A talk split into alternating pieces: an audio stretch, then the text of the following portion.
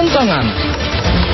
Program khusus edukasi kepada masyarakat tentang kebencanaan, baik pra bencana, saat bencana, maupun pasca bencana. Program Kentongan RRI Tanggap Bencana. Inilah program khusus Kentongan.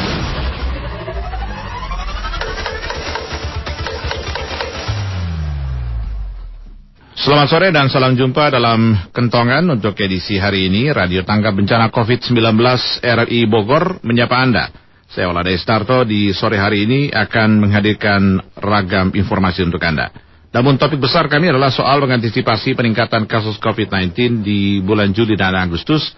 Karena menurut data yang kami terima masih punya potensi besar sekali jumlah peningkatan penambahan di wilayah beberapa wilayah di wilayah Bodebek khususnya di wilayah kota Bogor misalnya, ada beberapa kontribusi yang muncul misalnya dari fasilitas kesehatan ada 28 kasus positif, kemudian dari pemerintahan ada 7 kasus positif di kota Bogor, 5 di antaranya adalah orang di Kabupaten Bogor, kemudian juga ada uh, eh, 12 dari Mitra 10 kemarin yang sempat heboh uh, ketika dilakukan swab PCR di Mitra 10. Ini menjadi sorotan kita, namun mengawali perbincangan ini kita akan uh, dengarkan dulu sambutan Menteri Dalam Negeri Republik Indonesia Tito Karnavian dalam pengumuman pemenang lomba inovasi daerah tatanan normal baru, produktif dan aman COVID-19 ini sebagai satu komitmen dan penilaian pemerintah terhadap mereka yang punya komitmen untuk membuat inovasi agar memutus mata rantai COVID-19. Kita ikuti sambutan Mendagri berikut ini.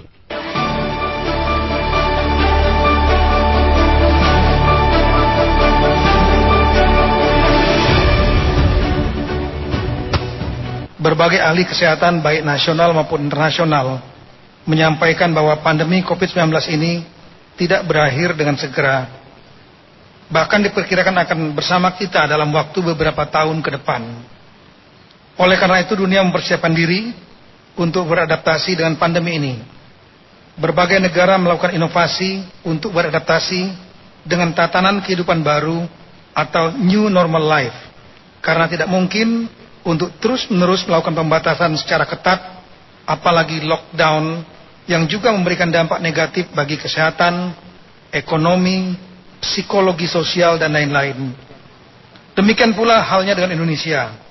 Upaya adaptasi ini disampaikan oleh Bapak Presiden beberapa waktu yang lalu dengan istilah tatanan kehidupan produktif dan aman COVID-19.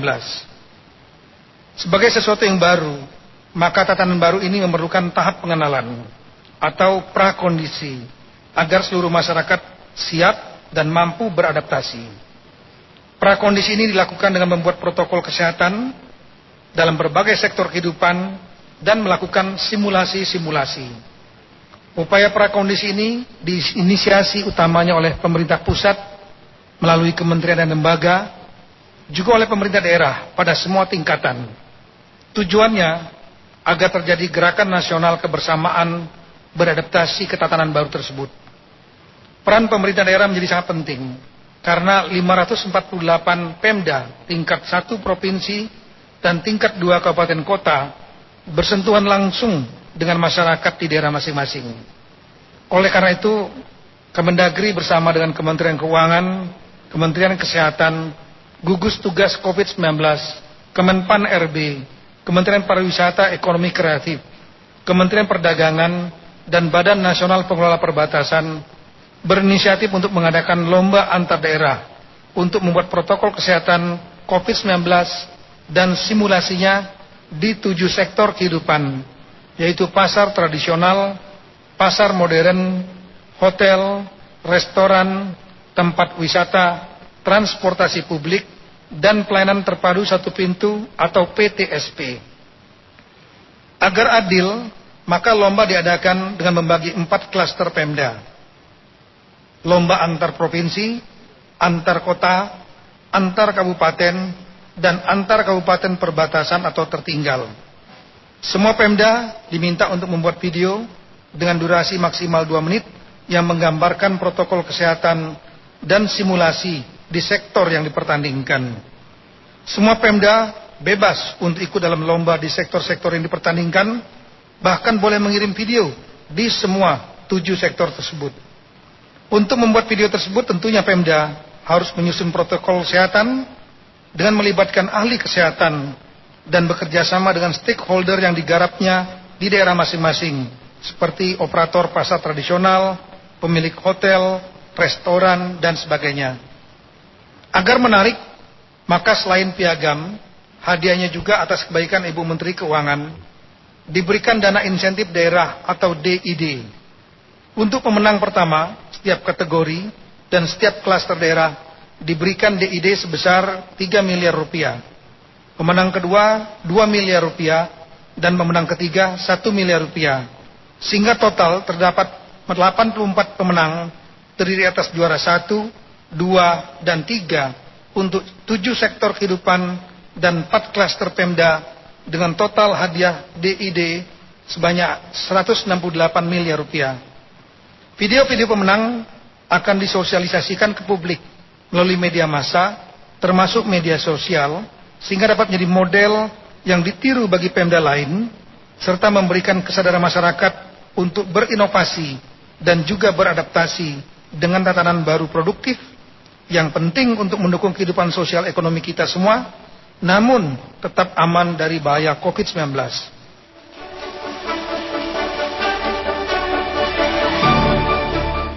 Demikian tadi pidato yang disampaikan Muhammad Tito Karnavian, Mendagri, mengenai lomba inovasi daerah yang dilaksanakan khususnya untuk mereka yang punya protokol COVID yang sangat baik sehingga uh, menjadi juara. Uh, Bogor meraih empat penghargaan, tiga kategori uh, mendapat juara satu dan satu kategori mendapat juara dua. Total hadiah yang dibawa oleh Pemda Bogor atau Pemda Kota Bogor adalah 11 miliar rupiah karena nomor satu mendapat 3 miliar rupiah, kemudian yang terbaik dua dua miliar rupiah dan terbaik tiga satu miliar rupiah.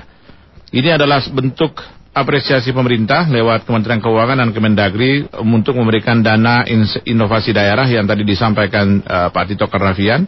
Ini merupakan salah satu upaya untuk meningkatkan protokol COVID di mana daerah harusnya punya komitmen untuk membuat inovasi-inovasi yang baik agar memutus rantai atau mata rantai penyebaran COVID-19.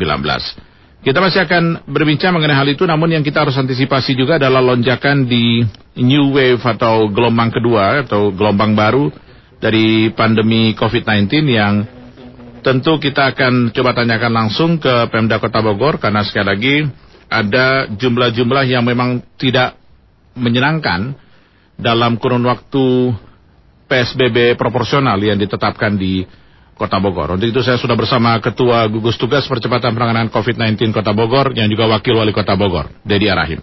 Pak Dedi, selamat pagi Pak Dedi. Selamat, eh, selamat sore, pagi, selamat sore. Saya oh. sore. Saya yang salah, Pak. Biasanya kita pagi soalnya. Makanya, ngomong. makanya, makanya. Uh, Agak jet lag berarti saya. eh tapi selamat dulu Pak Wakil Wali Kota. Bogor ya. dapat empat penghargaan ya. Iya. Kalau orang kalau orang hitung uangnya biasanya langsung orang hitung uangnya. Jadi dapatnya 11 miliar kan Pak Wakil iya. Wali Kota ya. Ya itu berkat semua kan. Amin amin. Tapi gini, um, hmm. yang juga kita harus soroti adalah bahwa sejak uh, eh, PSBB proporsionalkah, transisikah namanya itu, yeah. kita berdua sering sekali ngobrol soal kita akan lihat bagaimana pemberlakuan itu terhadap uh, jumlah uh, apa namanya rantai pandemi yang terjadi. Data-data yang uh, kami kutip misalnya bahwa penambahannya cukup banyak juga sebenarnya. Ada uh, 28 plus dari Mitra 10 itu ada ya. ada 12 tapi 5 berasal dari luar Kota Bogor, pemerintahan ada 7. Hmm. Nah ini ini menjadi sorotan kita. Walaupun memang ya. saya harus hati-hati baca data mungkin saja ya. itu adalah data swab hasil sebelumnya, tapi tapi minimal itu yang terpapar di permukaan kita, Pak, Pak Wakil Wali Kota. Bagaimana Anda soroti soal itu? Jadi memang saat ini kita uh, sedang mencoba ya menganalisis terus uh, terkait dengan peningkatan jumlah uh, positif corona yang setiap hari ini bertambah di Kota Bogor. Yang pertama itu yang perlu kita garis bawahi adalah hampir uh, dua tiga minggu terakhir ini, hampir satu bulan lah ya, mm-hmm. uh, satu bulan terakhir ini atau tiga minggu lah ya, yeah. mungkin tiga minggu, peningkatannya itu lebih uh, hampir 60 orang. Betul. Ya dalam tiga minggu ini. Mm-hmm. Jadi uh, saya pikir kan kalau bicara jumlah kan ini sangat signifikan sekali. Mm-hmm. Apalagi sebelumnya sudah beberapa minggu kita di posisi 111 uh, positif COVID dan uh, cukup landai lah waktu itu ya. Waktu itu Nah, sempat tetapi- beberapa hari lima hari kosong, nggak ada Ya, sama sekali tidak ada betul. positif positif COVID Ya, waktu itu. Nah, kemudian penambahan yang 60 ini yang kemudian jadi catatan kita. Nah, eh, dari data yang kita peroleh, jadi paling tidak hampir 60% ini datang dari klaster vaskes, fasilitas kesehatan. Hmm. Jadi siapa saja di vaskes itu? Iya. Ya tentu ada dokter ya, kemudian ada eh, apa namanya petugas laboratorium, Mhm. ada radiolog, Mhm. kemudian ada bidan, ada tenaga kesehatan, Ya. dan uh, yang pasti ada pasien yang memang uh, secara rutin apa mengunjungi rumah sakit. Mhm. Jadi klaster itu yang kemudian menjadi perhatian kita. Kenapa? Karena memang uh, rupanya yang harus kita kita cermati itu adalah bagaimana SOP penanganan uh, COVID maupun non COVID yang ada di rumah sakit. Hmm. Sementara uh, di Kota Bogor ini ada 8 rumah sakit yang menjadi rujukan pemerintah provinsi untuk penanganan COVID. Uh, uh, di luar itu kita sebetulnya hanya uh, menunjuk tiga ya. Ya. Uh, rujukan COVID hanya rumah sakit umum daerah, kemudian senior hospital dan satu lagi Siloam. Mhm. Nah, tetapi kemudian dengan adanya uh, apa namanya SK dari uh, Gubernur. ini kan kemudian tadi menjadi celah yang cukup signifikan di mana uh, rupanya ada hal-hal yang perlu kita Hmm. ini kan lah ya perlu kita cermati lagi supaya tidak ter- terjadi penambahan uh, positif COVID. Memang kalau dilihat datanya bahwa 28 itu dari fasilitas kesehatan, artinya yang paling banyak eh, menyumbang eh, positif COVID. Tapi gini, apa artinya misalnya kalau orang akhirnya beropini bahwa sebenarnya kan kita ketika kita setiap kali kita ingin menyampaikan informasi kepada masyarakat, kita selalu mengingatkan soal klaster baru, awas klaster baru misalnya. Kita pernah Ya. ngomong soal pasar, Ya, ya. kita ngomong soal eh, transport publik dan sebagainya. Ya. Ketika rumah sakit orang akan bertanya, bukankah rumah sakit adalah sektor yang paling siap sebenarnya untuk mengantisipasi Ya. COVID karena sejak lama? Bagaimana itu Pak Wakil Wali Ya itu makanya ter- ternyata ada ada celah di situ kan, ada ada titik lemah di situ. Nah kita eh, kita sudah minta kepada dinas kesehatan provinsi untuk melakukan reassessment kepada eh, delapan rumah sakit yang menjadi rujukan dari provinsi. Hmm. Karena sejak awal eh, kita memang tidak terlalu ini ya tidak terlalu optimis bahwa semua rumah sakit itu bisa menangani COVID, Hmm. ya kan? Pertama dari sisi kesiapan tenaga Makanya pada saat itu hanya tiga rumah sakit yang direkomendasikan. Iya. Betul, dan, dan dan rekomendasi dari pemerintah kota hanya tiga. Mhm. Tetapi kan muncul uh, surat da- eh, apa semacam SK ya Mhm. dari gubernur untuk menunjuk delapan rumah sakit. Oke. Ah, itu yang kemudian uh, artinya gini, uh, pihak uh, dinas kesehatan provinsi juga harus melakukan pengecekan lebih ini dong, lebih ketat. Hmm. Ta- Tapi gini Harus- Pak Pak Dedi, bahwa sebenarnya delapan rumah sakit yang ditunjuk belakangan Ya. itu tidak melewati apa namanya tidak melewati supervisi seperti tiga rumah sakit sebelumnya yang jauh lebih siap untuk Oh. melakukan penanganan terhadap pasien COVID sehingga Ya, ada kondisi begini.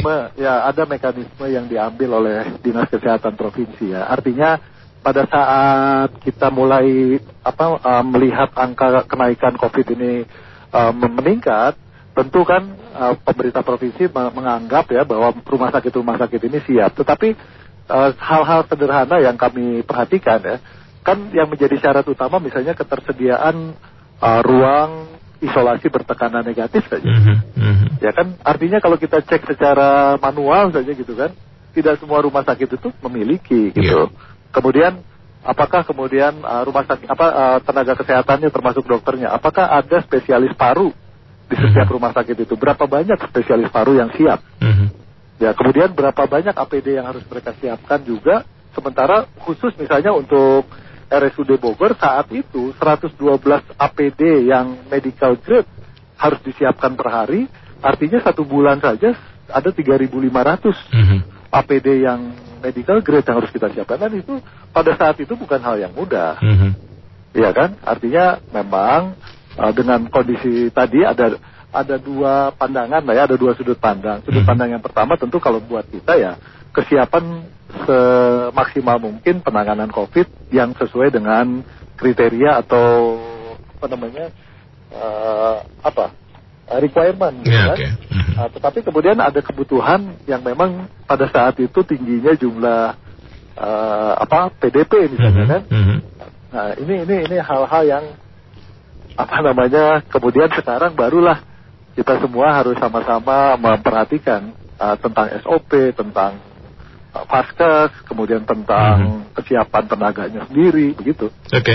Tapi masalahnya kan bahwa eh, apa namanya akan akan dibukanya beberapa aktivitas yang yang eh, punya potensi untuk social dan physical distancingnya agak Ya. susah terjaga. Misalnya kebun raya mau dibuka, kemudian eh, pengajuan Ya. proposal dari beberapa pusat belanja dan lain-lain itu akan dibuka. Ya. Itu itu kan Ya betul. akan jadi Ya. potensi baru, nggak diharapkan. Tapi Ya. itu Ya. harus Ya. diantisipasi juga Pak Ya, Pak ya artinya begini, kalau itu kan memang kita uh, kita kan justru uh, Kota Bogor beda beda sendiri dengan daerah lain ya. Mhm, mhm. Kalau daerah lain itu kan uh, mereka mengaj- uh, mereka menentukan tanggal pembukaan mall atau pusat perdagangan.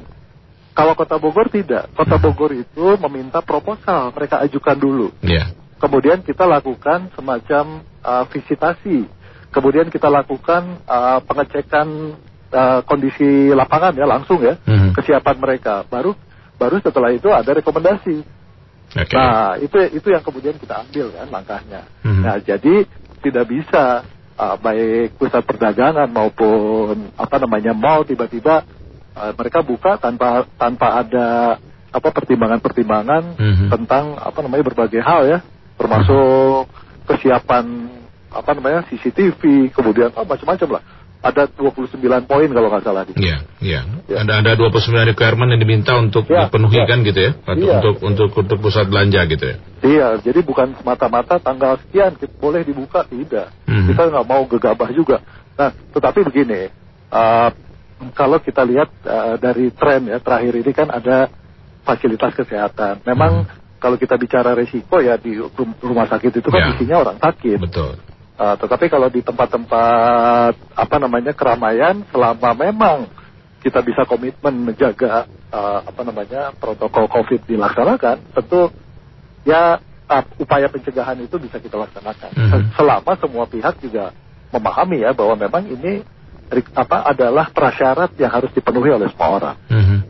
Eh, eh, gini, artinya bahwa sebenarnya em, agak agak susah juga kita apa namanya melakukan pengetatan di sana sini. Toh memang secara kebijakan global pusatnya memang dalam tanda kutip dilonggarkan, tapi kesadaran untuk kesadaran orang untuk memenuhi protokol kesehatan menjadi sangat penting untuk kita lihat kan kita atau kita kita laksanakan. In- in- kuncinya sebenarnya di situ aja sebenarnya kan. Tinggal itu yang bisa kita harapkan sebenarnya gitu ya. Uh, betul, jadi memang uh, kalau kita mengacu ke WHO kadang-kadang kita bingung sendiri ya. gitu. Kemarin terakhir sempat ada statement dari WHO misalnya uh, OTG itu OTG OTG positif Ya. itu uh, apa namanya tidak akan menularkan kepada yang lain. Mhm. Tetapi kemudian diralat lagi kan gitu kan. Mhm. Uh, seperti hal-hal seperti itu yang menurut saya cukup karena bahaya. karena sebenarnya WHO juga nggak tahu karena selalu bilang bahwa eh, WHO tidak pernah bisa menjawab kapan vaksin COVID itu bisa ditemukan kan gitu ya Betul. kan dia nggak pernah bisa kasih statement itu so Ya. kan ini termasuk statement terakhir ya, Iya. termasuk ini, ini statement terakhir mereka bahwa uh, uh, sembuh COVID itu tidak perlu dua kali swab misalnya. Padahal di di apa namanya di protokolnya Mhm. seseorang yang uh, sudah masuk karantina dinyatakan negatif positif, ya uh, kemudian dalam kurun waktu tertentu mereka dilakukan swab. Mhm. Swab pertama itu tidak me- tidak menunjukkan tidak bahwa tidak lantas bahwa dia bebas kan gitu ya Ya, nah itu ada lagi swab kedua. Tetapi WHO sekarang hari ini kalau nggak salah Hmm. mengeluarkan statement bahwa tidak diperlukan lagi eh, apa namanya pengambilan swab yang kedua. Mhm. Nah, sementara dalam berbagai kasus yang ada di Kota Bogor misalnya, eh, di swab pertama negatif, swab keduanya positif. Mhm. Nah, itu juga kalau menurut saya ini ya perlu apa ya perlu perlu ada satu terus terus da- dasar yang akan digunakan eh, apa namanya tim Pak Dedi di Satuan Tugas Penanganan COVID maka apa dasar-dasar yang akan digunakan karena sekali lagi ya Karena kan misalnya bahwa uh, ada ada interview teman saya di Suara Surabaya dikirimkan ke saya bahwa yang menarik misalnya ada seorang pasien sembuh dari COVID-19 kemudian dia melakukan uh, apa namanya rawat jalan terus dokternya bilang bahwa virus itu akan tetap berada di tubuh anda hingga 2 tahun ya kan ya itulah makanya nah itu itu yang menunjukkan sama sta- apa standing reasonnya bisa dipakai untuk Iya, bisa iya. mengantisipasi gelombang Ya. Juli Agustus lah karena tiba-tiba Ya, pemerintah ya. Ya. ralat bahwa puncaknya nggak di bulan September tapi puncaknya di bulan Agustus kan gitu ya Ya. Ya, untuk sementara tentu kita memakai protokol yang lama ya. Uh, apa bahwa uh, tadi misalnya setelah uh, dalam kurun waktu tertentu dilakukan swab test ulang, uh, kemudian swab test kedua beberapa hari kemudian itu tetap kita pakai.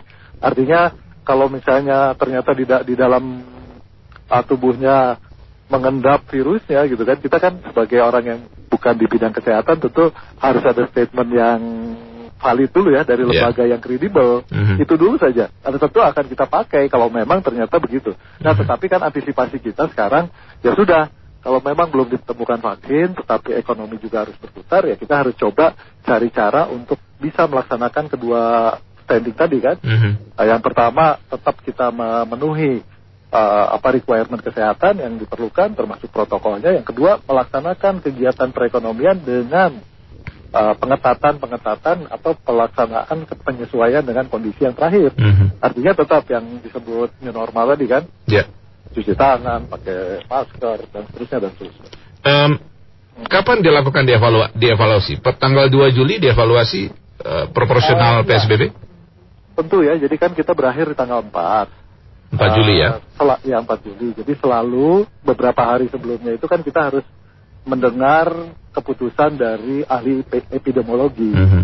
Itu dulu saja. Kalau memang ahli epidemiologi menyatakan uh, situasinya memang apa namanya bisa dikendalikan atau memang menurun, ya uh, tentu kita akan pakai itu sebagai acuan. Mm -hmm. Kemudian yang kedua yang penting juga adalah uh, keputusan dari gubernur ya tentang uh, zonasi ya, mm -hmm. zona apa dari dari berbagai uh, apa namanya variabel yang hmm. nanti dinilai oleh kalau nggak salah uh, terakhir Kang Emil uh, posting di Twitternya hmm. dan juga di hmm. Instagramnya soal hati-hati warga Bodebek karena wilayah Anda adalah masih merupakan wilayah punya kontribusi yang sangat tinggi di wilayah Jawa Barat.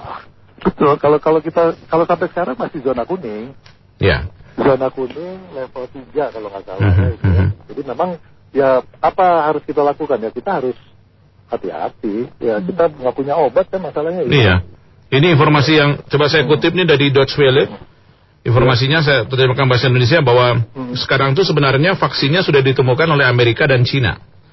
Kan gitu ya, karena masing-masing sudah membuat uh, dengan investasi kira-kira 1,7 miliar euro atau hmm. setara dengan 16 triliun. Raksasa farmasi Amerika Serikat uh, Pfizer sudah menemukan sebenarnya namun ini bicara soal perang merek dagang antara Amerika dan Cina karena Amerika Amerika nggak lockdown nggak PSBB ya Pak Deddy ya. Iya. Kalau menurut saya ya, santai aja sebenarnya. Ah, Mas Maulana. Iya. Kalau gimana, menurut saya kalau memang Cina sudah menemukan besok udah ada di Gelodok. Oh iya. Ya, kan? Dia suka black market kalau, memang ya. Iya, tapi kalau menurut saya uh, secara resmi ya, uh -huh. uh, saya pikir sih belum ya. Belum ya. Ya memang memang sampai sekarang memang kalau judulnya di Welle itu kan di Indonesia kan Uh, apakah persaingan Amerika Cina membuat vaksin corona berkaitan dengan geopolitik? Nah, gitu loh katanya. Hmm. Ya, ya inti, intinya intinya belum intinya sih belum ketemu sebenarnya kan gitu. Iya, ya ini kan apa posisi tawar mereka kan Betul. Kita, kan? Betul. Ya, saya pikir sih ya kita laksanakan saja. Jadi sejauh ini kan sebetulnya Indonesia uh, relatifly bisa mengendalikan ya. Mm -hmm. Lebih bisa mengendalikan. Yeah. Nah, jadi uh, di dalam kalau kita hitung ya dari Maret, April, Mei, Juni sebetulnya kan kalau uh, seperti yang apa ter, terjadi di negara-negara lain masuk bulan ketiga itu sudah ada di puncak hmm. ya dengan jumlah yang fantastis tapi di Indonesia masih di bawah 50 ribu sekarang kan hmm.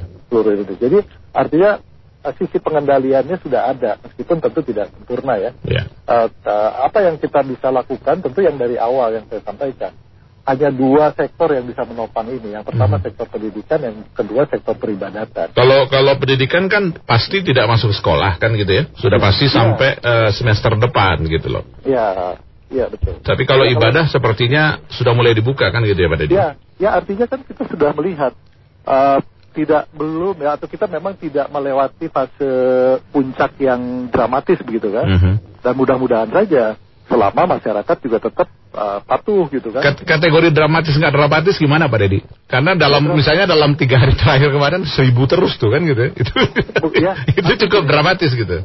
Artinya gini dalam uh, jumlahnya kan uh, mohon maaf ya saya, saya sampaikan ya dalam mm -hmm. tiga bulan terakhir ini kan tidak mencapai angka psikologis seratus ribu. Iya Pak nggak nyampe sih memang. Iya jadi Betul. Jadi kalau kalau negara lain begitu 100 ribu di bulan ketiga, dia akan melonjak terus kan sampai Mhm. ke titik titik maksimum gitu kan. Ya. Ah, tetapi kan kita sudah melewati bulan masuk bulan keempat di mana jumlahnya Di bawah 50 boleh ribu. dibilang ya masih di bawah 50 ribu. Oke. Nah, artinya pengendaliannya sudah ada, tinggal ah, apa namanya kerjasama semua pihak lah, kesabaran Oke. semua pihak kan gitu. Oke. Kenapa sampai sekarang misalnya yang membedakan saya lihat ya, yang membedakan misalnya Jawa Tengah dengan Jawa eh, Jawa Timur dengan Jawa Barat. Mhm. Jawa Timur itu kan mall tidak pernah tutup. Betul. Iya kan kalau Salah satu klaster yang ber- menambah di Indonesia pada saat itu adalah saya ingat sekali dua hari sebelum Lebaran. ya. Eh, tiba-tiba seribu, mayoritas itu dari eh, dari Jawa Timur. Ketika Ya, satu mall di. Jember dibuka sebenarnya waktu itu. Ya, betul, betul itu. Jadi kan uh, dari data kita juga men- menunjukkan begini. Kenapa ada klaster Pemda misalnya? kan? Mhm. Ada ada uh, apa namanya Dinkes, kemudian ada uh, BKP SDM, Mhm. kemudian juga ada Sekwan, Setwan. Mhm. Nah, karena mereka uh, berada di ruang-ruang tertutup dengan AC ya. Uh, kemudian juga misalnya kalau di gedung-gedung itu ada AC sentral. Nah Iya. ini salah satu faktor yang tadi bisa menjadi salah satu pemicu penambahan jumlah positif COVID di Hmm. daerah ya. Dan Oke. makanya kenapa kita cerewet nih, mau harus begini, mau harus begitu, bukan kita bicara tanggal, tetapi bicara kesiapan mereka.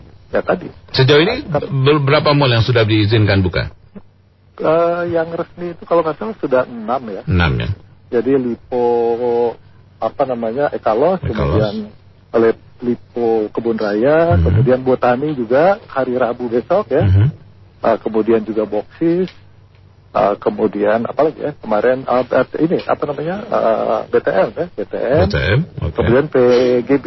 Oke, jadi PGB, ya. itu itu sudah diterima semua proposal, sudah disetujui sudah ya. kita melakukan uh, beberapa kali pengecekan, tetapi kan uh, sifatnya uji coba. Betul, Dalam betul. uji itu mereka uji coba. Kemudian mereka harus connect ke kita untuk dilakukan uh, monitoring ya. Mhm. Uh, karena nggak mungkin kita tempatkan orang di masing-masing mall kan, kita Iya. monitoring melalui- CCTV bagaimana distancing dilakukan. Atau mungkin dilakukan dengan menggunakan aplikasi mungkin? Uh, untuk sementara kita Belum ya? visual ya. Ya, uh, artinya begini, uh, untuk apa namanya mengevaluasi kan paling tidak mereka harus tahu di- tahu juga bahwa kapasitas tidak boleh melebihi 50 persen. Mhm. Jadi itu sudah ada semacam apa fakta integritasnya lah. Mhm. Gitu. Oke. Jadi kalau misalnya dalam satu minggu uh, terjadi hal-hal yang tadi uh, mengandung resiko ya Oke. seperti yang terjadi di salah satu supermarket bahan bangunan misalnya kan, Mhm. uh, bisa saja nanti ke- kemudian kita kita pending lagi untuk uh, pelaksanaan operasionalnya. Perlu nggak ya kita Hmm. apa apa namanya meluruskan paradigma bahwa Hmm. mayoritas orang kita sekarang orang Bogor Hmm. misalnya menganggap Ya. PSBB proporsional itu ya normal lagi sebenarnya. Karena Uh, Ja- jalanan ya. macet kan, kan agak Ya. beda kalau misalnya Pak Dedi ngomong kemudian ke, kepala BPTJ waktu itu saya ngobrol juga PSBB proporsional kah? PSBB transisi kah? Itu PSBB gitu. Itu harus disadari gitu loh. Tapi orang menganggap PSBB proporsional ataupun transisi udah normal sebenarnya. Be- begini, nggak apa-apa, normal. Tetapi kan uh, dia di mobil pun pakai masker kan, nggak Hmm. masalah. Di ged- di gedung-gedung di restoran pakai masker juga. Iya. Jadi artinya yang disebut normalnya ya tadi normal baru kan, Iya. meskipun uh, kita belum state bahwa kita sudah berada di dalam situasi kenormalan yang baru. Hmm. Tetapi uh, kita butuh pegangan atau butuh uh, cantolan peraturan ya kita masih PSBB itu dia ya kan karena uh, kita harus tadi dalam konteks kita menyalurkan bantuan sosial kan harus ada catolan itu dia kan harus ya kan? nyaut ya kalau enggak Nah, kita ya yang salah kan gitu ya? Iya. uangnya nggak bisa dikeluarin sebenarnya Iya, ya artinya uh, cantolan aturannya nanti kurang kan gitu kan. Mhm, mhm. Sementara uh, kedaruratan ini kan harus jelas. Iya. Bukan hanya kepresnya saja, tetapi uh, teknis operasional di lapangan juga harus kita pikirkan. Oke, ekonomi sudah mulai kembali, Pak Deddy menurut data di Satgas? Uh, belum normal ya, Ya. tapi sudah mulai menggeliat. Artinya kalau kita lihat okupansi hotel masih di bawah 20 persen. Iya. Tapi kalau kita apa namanya cermati, kalau di bawah 20 persen, kan artinya demand ada, Mhm. sudah ada demandnya. Sudah mulai. Iya, tetapi kan tidak mungkin normal selama Iya. uh, instansi pusat belum melakukan perjalanan dinas. karena kan sebagian oh, iya, karena mais kan? perputaran uh, ya perputaran ekonomi Bogor ini kan ditopang oleh instansi pusat ya Mhm. uh, yang melakukan kegiatan di Kota Bogor. Oke. Karena memang ini kan agak agak menjadi pertanyaan ketika misalnya kemarin dilakukan RDP antara Kementerian Keuangan dengan Komisi 11 DPR RI. Di Ya. situ baru diakui oleh pemerintah sebenarnya. Kementerian Keuangan keluarkan bahwa kita pertumbuhan ekonomi minus 3 persen. Oleh data Bapenas minus 6 persen dan data BPS itu minus 5 persen. Jadi ekonomi kita memang minus kali ini kan gitu ya. Makanya saya tanya Betul, ekonomi betul. Pak sebenarnya kan betul, gitu. Betul, setuju. Karena memang kita uh, dari sisi pendapatan kan kita belum, waduh, kita belum bisa bilang bakal pulih dalam satu tahun ini. Hmm. Jadi ya yang yang yang sekarang terjadi ini kan hanya apa namanya kegiatan-kegiatan yang pokok ya, yang Ya, utama saja. Tetapi misalnya yang uh, sifatnya apa namanya uh, uh, edit value, kemudian juga apa namanya substitusi dan lain-lain kan belum belum belum berjalan sama sekali. Mhm. Oke, baik mudah-mudahan semua lancar. Eh interpelasi aman Pak Deddy? Oh, saya nggak tahu ya itu. Harusnya saya nanya Pak Atang sebenarnya. Interpelasi gimana? Oke. Pak Wagil, terima kasih banyak. Mudah-mudahan orang juga bisa tahu betul paradigma soal bahwa kita tetap harus menjalankan protokol kesehatan, gitu ya. Ya. Oke, semua sudah dibuka, eh, mulai mencoba untuk normal kembali, tapi protokol kesehatan harus dilakukan karena faktanya memang klaster-klaster yang tadi disampaikan memang masih menyumbang positif COVID yang jangan sampai menjadi klaster baru di tiap-tiap klasternya itu yang menjadi bahaya sebenarnya. Ya. Kan gitu ya. Terima kasih banyak Pak Deddy sudah bersama kami di siang ini, sore ini ya. Terima kasih. Selamat sore Pak Deddy. Waalaikumsalam. Demikian Ketua Gugus Tugas Percepatan Penanganan COVID-19 Kota Bogor yang juga Wakil Wali Kota Bogor Dedi Arahim. Setelah ini saya akan ngobrol dengan Direktur Utama Perumda Pasar Pakuan Jaya soal inovasi yang didapatkan oleh uh, Perumda Pasar Pakuan Jaya sebagai perusahaan daerah paling inovatif level kota untuk pasar tradisional dan modern. Kita akan kembali. Selamat datang di tatanan kehidupan baru. Kita saat ini dihadapkan pada ketidakpastian. Tidak pasti kapan corona akan berakhir. Banyak ketidakpastian yang harus kita hadapi. Di satu sisi, virus corona juga telah merubah banyak hal di kehidupan kita tanpa kita sadari. Jika Anda ingin tetap bisa bertahan dan selamat dari pandemi ini, sebaiknya persiapkan diri Anda untuk beradaptasi dan menjalankan tatanan kehidupan baru. Dalam prediksi tatanan kehidupan baru, kesehatan dan kebersihan menjadi komoditas nomor satu.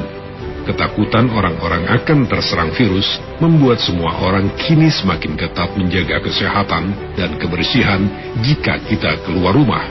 Akan banyak kita temui wastafel dadakan di mana-mana. Hand sanitizer menjadi barang yang paling dicari. Orang mengenakan masker ke mana-mana. Selalu menjaga jarak saat melakukan kegiatan dan tidak berkerumun. Dan tidak melakukan kontak fisik meski itu hanya sekedar bersalaman. Vitamin dan jamu menjadi barang yang banyak dikonsumsi selain makanan pokok. Sebelum bepergian, orang akan dicek dulu suhu tubuhnya dan tidak akan diizinkan melanjutkan perjalanan jika terindikasi tidak sehat. Dan akan selalu dilakukan cek suhu tubuh ketika berkegiatan sosial seperti di mal, rumah makan, atau di mana saja. Tidak menutup kemungkinan ke depan orang akan diwajibkan membawa dokumen kesehatan pribadi saat bepergian. Atau bisa jadi sistem pelacakan kesehatan di bandara dan terminal transportasi umum lainnya akan menjadi lebih praktis dan mudah. Nah, selamat datang di tatanan kehidupan baru. Hashtag Indonesia Tatanan Kehidupan Baru. RRI, Radio Tangga Bencana, COVID-19. Hashtag tatanan kehidupan baru itu yang kami hadirkan untuk menjadi eh, apa namanya untuk menjadi salah satu slogan untuk diviralkan karena sekali lagi bahwa tatanan kehidupan baru menginginkan kita untuk jauh lebih sehat dan tahu bagaimana protokol kesehatan karena transmisi COVID juga sangat luar biasa. Seorang ahli epidemiologi menyampaikan bahwa sebenarnya Bogor sudah masuk di gelombang kedua tetapi masih bisa ditangguh lagi karena beberapa jumlah positif dalam tiga minggu terakhir menunjukkan angka-angka yang tidak menyenangkan sebenarnya. Namun sekali lagi bahwa kita harus juga melihat ini menjadi salah satu tantangan besar. Salah satu tantangan itu dijawab oleh PD Pasar Pakuan Jaya, Perumda Pasar Pakuan Jaya, karena Perunda Pasar Pakuan Jaya mendapat penghargaan terbaik pertama untuk inovasi pasar modern dan tradisional yang disampaikan kemarin langsung oleh Mendagri Tito Karnavian. Kita akan langsung bersama Direktur Utama Perumda Pasar Pakuan Jaya, Pak Muzakir. Selamat sore Pak Muzakir. Sore Pak, selamat sore. Wah suaranya mentereng banget berarti juara satu tuh gitu ya. Tapi selamat Pak Muzakir. Ronda Pasar Pakuan Jaya mendapat juara pertama untuk uh, pengelolaan pasar uh, tradisional modern untuk inovasi uh, COVID-19 ya. Itu itu ya, mendapat hadiah ya. 3 miliar rupiah kalau nggak salah ya, Pak Muzakir ya. Benar, benar, benar. Oke, okay, tapi ini juga mungkin harus jadi apa, apa namanya pelajaran bagi semua orang bagaimana cara mengendalikan itu. Karena Pak Tito dalam sambutan yang sempat kami putarkan di awal berikan ini mengatakan bahwa sebenarnya uh, apa namanya kompetisi ini dilakukan untuk melihat sejauh mana komitmen dari daerah khususnya instrumen-instrumen daerah dalam memutus rantai COVID-19 di wilayah masing-masing. Apa yang menurut Anda menjadi keberhasilan dari Perumda Pasar Pakuan Jaya untuk uh, memutus mata rantai itu? Sem karena sempat ya. menjadi viral kan waktu itu bahwa pasar di Bogor penuhnya luar biasa kan gitu ya? Iya, iya, iya, iya. Ya. Satu minggu sebelum Lebaran ya. Betul, hari Jumat. Iya. Hari di mana THR dibagikan. Yeah. Jadi sebetulnya concern kita bersama baik pasar maupun di sektor lain di Kota Bogor bagaimana mengedukasikan uh, seluruh masyarakat mau menggunakan masker. Hmm. Uh, jadi poin pertama kita itu. Jadi di tahap awal COVID uh, kita juga dapat uh, apa nah, arahan langsung dari pimpinan Pak Wali, Pak Wakil bagaimana uh, seluruh pedagang dan uh, pengunjung yang masuk ke pasar itu wajib menggunakan masker. Nah, jadi terobosan pertama itu. Nah, bagaimana me membuat uh, pedagang dan masyarakat uh, mau menggunakan masker ya? Jadi kita tidak tidak henti-hentinya. Setiap dua jam kita woro-woro pakai mikrofon, walaupun mereka bosan ya. Hmm. Tapi kan akhirnya tertanam di otak mereka, oh masuk pasar wajib pakai masker, masuk pasar wajib pakai masker. Hmm. Nah jadi data terakhir memang teman-teman dari Jakarta juga survei ternyata pasar di Bogor itu 90% rata-rata uh, pedagangnya menggunakan masker. Hmm. Walaupun masih rada-rada nakal, maskernya nggak di iya. nggak yeah. di hidung di mulut tapi di leher gitu kan. Betul. Nah, tapi artinya bahwa uh, prinsipnya berawal dari paksaan menjadi sebuah kebiasaan, begitu ya? Benar. Memang kita sempat di uh, kalau nggak salah itu PSBB jilid dua jalan. Mm -hmm. Nah kita malah ini yang tidak menggunakan masker uh, tiga kali kita kena peringatan kita tutup satu minggu tokonya. Hmm. Nah, jadi kita lihat ada efek. Nah ini terus berlanjut menuju new normal. Uh, beberapa inovasi dari kita. Yang pertama kita wajibkan seluruh uh, pedagang itu menggunakan uh, face shield. Hmm, hmm, hmm, okay. Walaupun memang uh, dari data sekarang baru kita distribusikan sekitar dua 2.500 sampai 3.000. Mm -hmm. Emang masih kurang ya. Mungkin ini dengan bantuan dari uh, kita menang kemarin kan insya Allah nanti bisa kita beli dan bisa dapat semuanya gitu kan. Oke. Okay. Karena total pedagang kita kurang lebih uh, 7.500 sampai 8. Tapi gini, yang menjadi PR dari banyak pasar di Indonesia misalnya data yang saya kumpulkan, PR-nya adalah misalnya um, ketika rapid test datang ke pasar rata-rata pedagang menolak. Tapi kalau misalnya kita lihat di Kota Bogor, rapid test sangat masif dilakukan di banyak pasar sehingga bisa langsung cepat dilihat mana reaktif dan mana tidak reaktif. Bagaimana membuat mereka cukup cukup tidak ada apa ya misalnya cukup kondusif untuk bisa bisa apa namanya bisa ikut rapid test itu, Pak Dirut? Kita uh, pendekatan ke mereka dalam artian kita kasih tahu bahwa rapid test ini bukan sesuatu yang yang menakutkan. Mm-hmm. Karena di saat mereka, kalaupun terburuk banget mereka positif, tapi kan akan terselamatkan uh, orang rumahnya, istrinya, anaknya, keluarganya kan. Nah jadi itu yang kita tanamkan ke pedagang. Jadi ya sampai sampai uh, terakhir kita rapid test itu Jumat malam, alhamdulillah masih masih uh, kondusif semua dan mereka juga antusias untuk mm-hmm. uh, melakukan uh, rapid test. Tapi gini, yang yang menjadi menarik adalah misalnya uh, pasar selalu dikhawatirkan menjadi klaster klaster penyebaran COVID yang sangat besar misalnya. Misalnya ini menariknya adalah hampir setiap hari, misalnya di kota Bogor itu dilihat ada penjagaan oleh Satuan Polisi Pamong Praja di beberapa pasar gitu. Setiap hari dilihat bahwa itu ada penjagaan dan sebagainya. Apakah itu Ya. artinya bahwa memang itu mutlak dilakukan karena sebenarnya hanya dengan cara ini orang di pasar bisa dikendalikan, Pak Muzakir? Ya, mungkin salah satu faktor iya. Jadi akhirnya kan eh, di saat orang masuk dalam pasar, or, tertanam di, di mindset dia dijagakan, dijagain oleh petugas. Hmm. Terus yang kedua, diarahkan mereka cuci tangan dulu. Nah, terus mereka wajib menggunakan masker. Kalau tidak menggunakan masker, suruh balik. eh, Oke. Balik kanan. Ya, terus eh, kita juga pengecekan suhu. Mhm. Nah, pengecekan suhu terus kita juga buat antisipasi di new normal ini di, di dalam pasar. uh, kita menggunakan yang bahan yang murah, jadi plastik bening. Mhm. Uh, kita apa namanya? Kita tutup uh, kiosnya, hanya kita buka sekitar 20 cm dari bawah buat bisa transaksi ya. Mhm. Nah, ini juga uh, apa namanya? Analisa kita sangat membantu. Jadi uh, jadi kehalang antara si pedagang dengan pembeli itu ada pakai masker, ada Mhm. face shield, dan Mhm. ada plastik uh, penghalang di depan. Barrier ya, barrier antara uh, Ya, penjual dan pembeli kan gitu ya. Ya, walaupun kita juga tidak bisa membuktikan langsung kan apakah ini Mhm.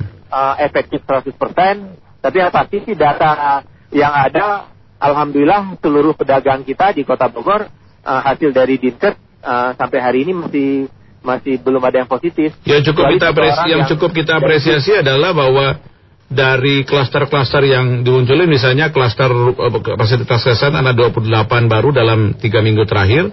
Eh, eh, Ya. klaster pemerintahan ada 7 gitu ya, kemudian mitra 10 ada 12 dan 5 dari luar kota.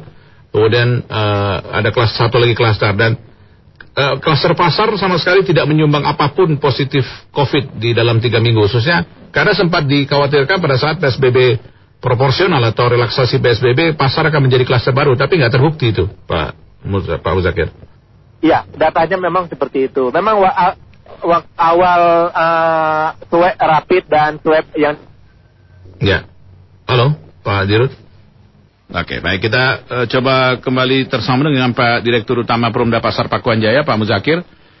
Sambil kita coba nanti berbincang juga dengan Kepala Pusat Penelitian Konservasi dan Kebun Raya LIPI, Pak Hendrian, karena memang kebun raya akan dibuka kembali, artinya bahwa memang em, ada eh, eh, hipotesa soal physical dan social distancing yang akan terganggu misalnya karena di tempat wisata, kecuali memang dibatasi karena kebun raya sangat luas. Kita akan coba nanti bersama Pak Hendrian, tapi saya ingin kembali terakhir ke Pak Muzakir dulu, Pak Direktur Utama Pak Perumda Pasar Pakuan Jaya. Oke, baik. Eh, Pak Muzakir? siap Baik. Oke, baik. Terakhir da- untuk menjaga untuk menjaga kondisi tersebut karena memang sekali lagi apresiasinya besar sekali pasar tidak menyumbang klaster baru rupanya di PSBB proporsional karena tidak ada yang positif di kawasan pasar maka apa inovasi lain yang akan apalagi dapat penghargaan kan apa inovasi baru yang akan diterapkan di pasar-pasar di wilayah Perumda Per- Pasar Pakuan Jaya Pak Dirut Ya, ino- inovasi kita ke depan kita fokuskan eh, penjualan secara online. Hmm. Ya, jadi kita himbau masyarakat yang umur di atas 45 tahun yang nggak usah eh, belanja langsung ke pasar, tinggal Ya. klik kan kita juga ada beberapa aplikasi yang Mhm. kerjasama dengan pasar juga, ya salah satunya Kujang Fresh. Ya tinggal eh, masyarakat duduk di rumah, kebutuhan eh, dia bahan pokok, eh, baik ikan dan lain-lain akan akan Diantar. secepat mungkin akan dikirim ke rumah, akan diantar ya. Memang ke depan kita salah satu inovasi kita eh, sistem pembayarannya Non tunai. eh, non tunai kita juga sudah kerjasama dengan BJB eh, dengan eh, QR code ya, Mhm. kris. Mhm. Nah, terus ya, kalaupun harus menggunakan uang tunai, kita juga punya punya teknologi baru. Oh yang Iya, UV ya UVC. Oke. Ya, UVC-nya udah kita iniin insya Allah uh, dengan dapat bantuan itu kita bisa produksi massal Amin. dan bisa pedagang Amin. kita juga dapat. Siap. Ya. Baik, Pak Dirut, sekali lagi terima kasih dan selamat atas penghargaan yang diterima oleh Perumda Pasar Pakuan Jaya Kota Bogor sebagai eh, terbaik pertama eh, inovasi daerah penanganan COVID-19. Mudah-mudahan ini bermanfaat hadiah yang sudah diberikan untuk membuat inovasi-inovasi lain. Terima kasih banyak Pak Dirut sudah bersama kami di sore ini. Terima kasih ya.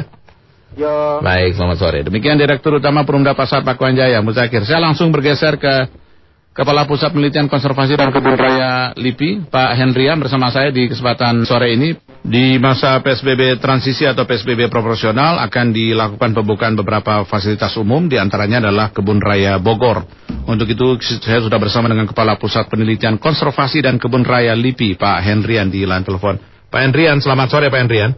Halo, selamat sore Pak. Sore, saya Maulana di studio. Terima kasih sudah bersama kami Pak Henry. Bagaimana persiapan Pak? Karena uh, uh, kebun raya akan dibuka kembali, kabarnya begitu. Um, dan tentu yang paling diantisipasi adalah soal yang namanya tempat wisata pasti adalah physical dan social distancingnya serta protokol kesehatan uh, COVID-19-nya yang mungkin juga kita harus antisipasi karena dalam tiga minggu terakhir data menunjukkan peningkatan signifikan di wilayah Kota Bogor, Pak Hendrian. Beberapa langkah yang sudah kami siapkan, di antaranya adalah menyusun protokol untuk pelayanan publik, tentu dengan mereport dan mengadop eh, protokol-protokol kesehatan yang sudah dilansir baik oleh Kemenkes, eh, pihak pemerintah daerah, dan LIPI sendiri. Eh, selain itu juga kita melakukan persiapan-persiapan untuk mengimplementasikan eh, protokol yang sudah kita buat itu misalnya untuk mengatur bagaimana nanti uh, tentang uh, apa uh, reservasi online untuk tiketing kemudian bagaimana uh, uh, mengatur uh, pengunjung ketika berada di dalam kebun mm-hmm. fasilitas-fasilitas uh, wisata di dalam dan seterusnya. Mm-hmm. Jadi uh, walaupun spiritnya adalah kita akan reopening tetapi tentu kita akan sangat hati-hati untuk tetap memperhatikan uh, kesehatan bukan saja dari para pengunjung tetapi juga dari para pegawai kami serta petugas lainnya. Oke, okay. uh, eh, mekanismenya gimana? Apakah juga diminta oleh pemerintah kota misalnya atau pemerintah pusat untuk eh, uh, 50% dari daya tampung dimasukkan dengan melakukan baik hitungan secara manual maupun melakukan hitungan secara aplikasi. Nanti implik, aplikasinya bagaimana Pak Hendria? Betul Pak, itu jadi salah satu yang akan kami implementasikan adalah dengan uh, apa namanya membatasi jumlah pengunjung secara uh, kuantitas. Hmm. Dan tentu saja untuk detailnya sebelum uh, buka kembali, kami nanti akan beraudiensi dengan pihak pemerintah daerah hmm. agar uh, pembukaan kembali itu dapat dilaksanakan sesuai juga dengan kondisi yang ada di uh, Kota Bogor. Mm -hmm. Karena Kota Bogor lagi bagus-bagusnya Pak Hendrian karena mendapat empat penghargaan Betul. dan untuk sektor wisata kita terbaik kedua ya Kota Bogor ya. Betul, jadi ini juga uh, satu uh, kabar gembira buat kami bahwa uh, untuk Kota Bogor mendapatkan penghargaan terbaik kedua saya, saya dengar seperti Mm-hmm, untuk uh, untuk kategori wisata dan tiga kategori lainnya terbaik pertama. Ya. Oke. Okay. Artinya bahwa memang uh, kalau tadi disampaikan dengan kapasitas 50% dan lain-lain, ini mungkin juga uh, perlu diantisipasi Pak Hendrian soal kendaraan. Karena misalnya Pak pasar pada saat itu yang dikhawatirkan menjadi klaster baru penularan COVID di gelombang kedua, yang juga kelihatan adalah soal akses kendaraan masuk dan lain-lain. Apakah juga akan dilakukan mekanisme atau SOP baru soal kendaraan yang bisa masuk ke dalam kebun raya sendiri, Pak Hendria? Eh, jadi memang kita uh, akan mengarah ke sana untuk mengurangi atau membatasi jumlah kendaraan yang masuk ke kebun raya. Uh-huh. Sebetulnya ini adalah mimpi lama begitu ya, jadi terlepas dari sebelumnya uh, dalam kondisi normal sebelum terjadi pandemi dan lain sebagainya. Tapi juga sudah ada semacam mimpi untuk mengembalikan kawasan kebun raya itu pada situasi yang lebih natural, hmm. Apa namanya polusi udara berkurang dan sebagainya. Hmm. Tetapi memang untuk mengarah ke sana kan perlu ada langkah-langkah persiapan yang harus hmm. dikoordinasikan dengan pihak Tapi selama ditutup kan apa namanya siklus ekologisnya menjadi jauh lebih baik sebenarnya Pak ya? Betul. Iya kan? saya kira menjadi satu momentum yang bagus juga untuk uh, mulai memikirkan bagaimana nanti ketika menuju normal, mm -hmm. Uh, apa namanya jumlah kendaraan yang masuk ke dalam kawasan bisa kita mulai agak kurang. Mm -hmm. Jadi saya pada yang sangat pendapat dengan yang Bapak sampaikan. Iya, karena memang ini belajar juga dari kemarin ketika rapid test jumlahnya luar biasa, 80-an di wilayah kabupaten, khususnya di puncak ketika yang dibuka itu adalah Taman Safari, yang dipenuhi juga kendaraan di sana adalah di Taman Matahari, Pak. Kan gitu ya. Jadi jadi ada dua ada dua hal yang tidak berhubungan tapi saling mendukung sebenarnya kan gitu ya. Betul. Jadi memang kita harus harus ada keseimbangan lah. Mm -hmm. Sisi kita tentu dalam spirit yang sama dengan yang disampaikan pemerintah Ya. untuk uh, melakukan reopening, memutar kembali roda ekonomi dan sebagainya. Tetapi di sisi lain juga saya kira situasi uh, konkret yang kita hadapi sekarang juga Ya. harus sangat dipertimbangkan. Oke. Eh, mungkin terakhir, kapan bisa diumumkan kepada masyarakat kapan kebun raya akan resmi reopening, Pak Hendrian? Untuk tanggalnya kami belum bisa memastikan karena yang pertama kami tentu harus melakukan uh, koordinasi dengan Oh, masih ada proposal yang harus diberikan ke pemerintah kota ya? Jadi kami harus uh, menghadap pemerintah kota untuk menyampaikan apa apa, Ya. apa yang sudah kami siapkan sehingga nanti selaras lah begitu. Oke, mudah-mudahan Dan, uh, secara administratif tentu kami juga menunggu instruksi dari pimpinan. siap. Mudah-mudahan ini segera dibuka, tapi sekali lagi harusnya kalau orang bicara new normal, maka the new normal way to journey in apa ya di kebun raya lah begitu. Karena kita akan melihat ekologi yang bagus sekali selama penutupan sebenarnya. Jangan, jangan dirusak ketika kita masuk kan gitu ya Pak Pak Hendrian ya. Dan saya optimis karena uh, untuk kebun raya sendiri saya kira bukan sekedar tempat wisata, Ya. tetapi itu adalah satu lokasi yang mudah-mudahan bisa memberikan nuansa yang lebih segar, Betul, kita. betul, betul. Kenapa nggak kenapa nggak wajibkan aja pakai sepeda Pak ya? Masuk nggak pakai negara karena karena data menunjukkan bahwa penjualan sepeda luar biasa sebenarnya. Kan gitu ya artinya ya udah wajibin aja pakai sepeda jauh lebih ramah lingkungan jauh lebih sehat tidak perlu banyak apa pasti pasti social distancingnya tinggi kalau pakai sepeda kan gitu ya ini saran aja tapi tapi terima kasih gimana Pak Andrea? Seperti itu ada, tetapi tentu kan perlu ada langkah-langkah persiapan. Yes, yes, pastilah, pasti. Tapi intinya mungkin kita bisa ingatkan bahwa new normal harusnya kebiasaan-kebiasaan baik yang harus kita lanjutkan sebenarnya. Oke. Betul. Baik. Pak Hendrian, terima kasih banyak ya sudah bersama kami di sore ini. Pak Hendrian sukses. Mudah-mudahan segera bisa didapatkan tanggalnya reopening Kebun Raya Bogor sebagai situs eh, konservasi dan situs wisata di wilayah Kota Bogor yang punya kontribusi yang baik juga. Terima kasih banyak Pak Hendrian. Terima kasih, selamat sore semua. Selamat sore Pak Hendrian. Demikian Kepala Pusat Penelitian Konservasi dan Kebun Raya LIPI Pak Hendrian yang sekaligus menutup perbincangan kita dalam kentongan edisi hari ini. Saya Melana Starto, mewakili kerja kerja bertugas mengucapkan terima kasih. Selamat sore, sampai jumpa. Demikian baru saja Anda ikuti Kentongan, program berita dan informasi seputar lingkungan dan kebencanaan, produksi RRI Bogor.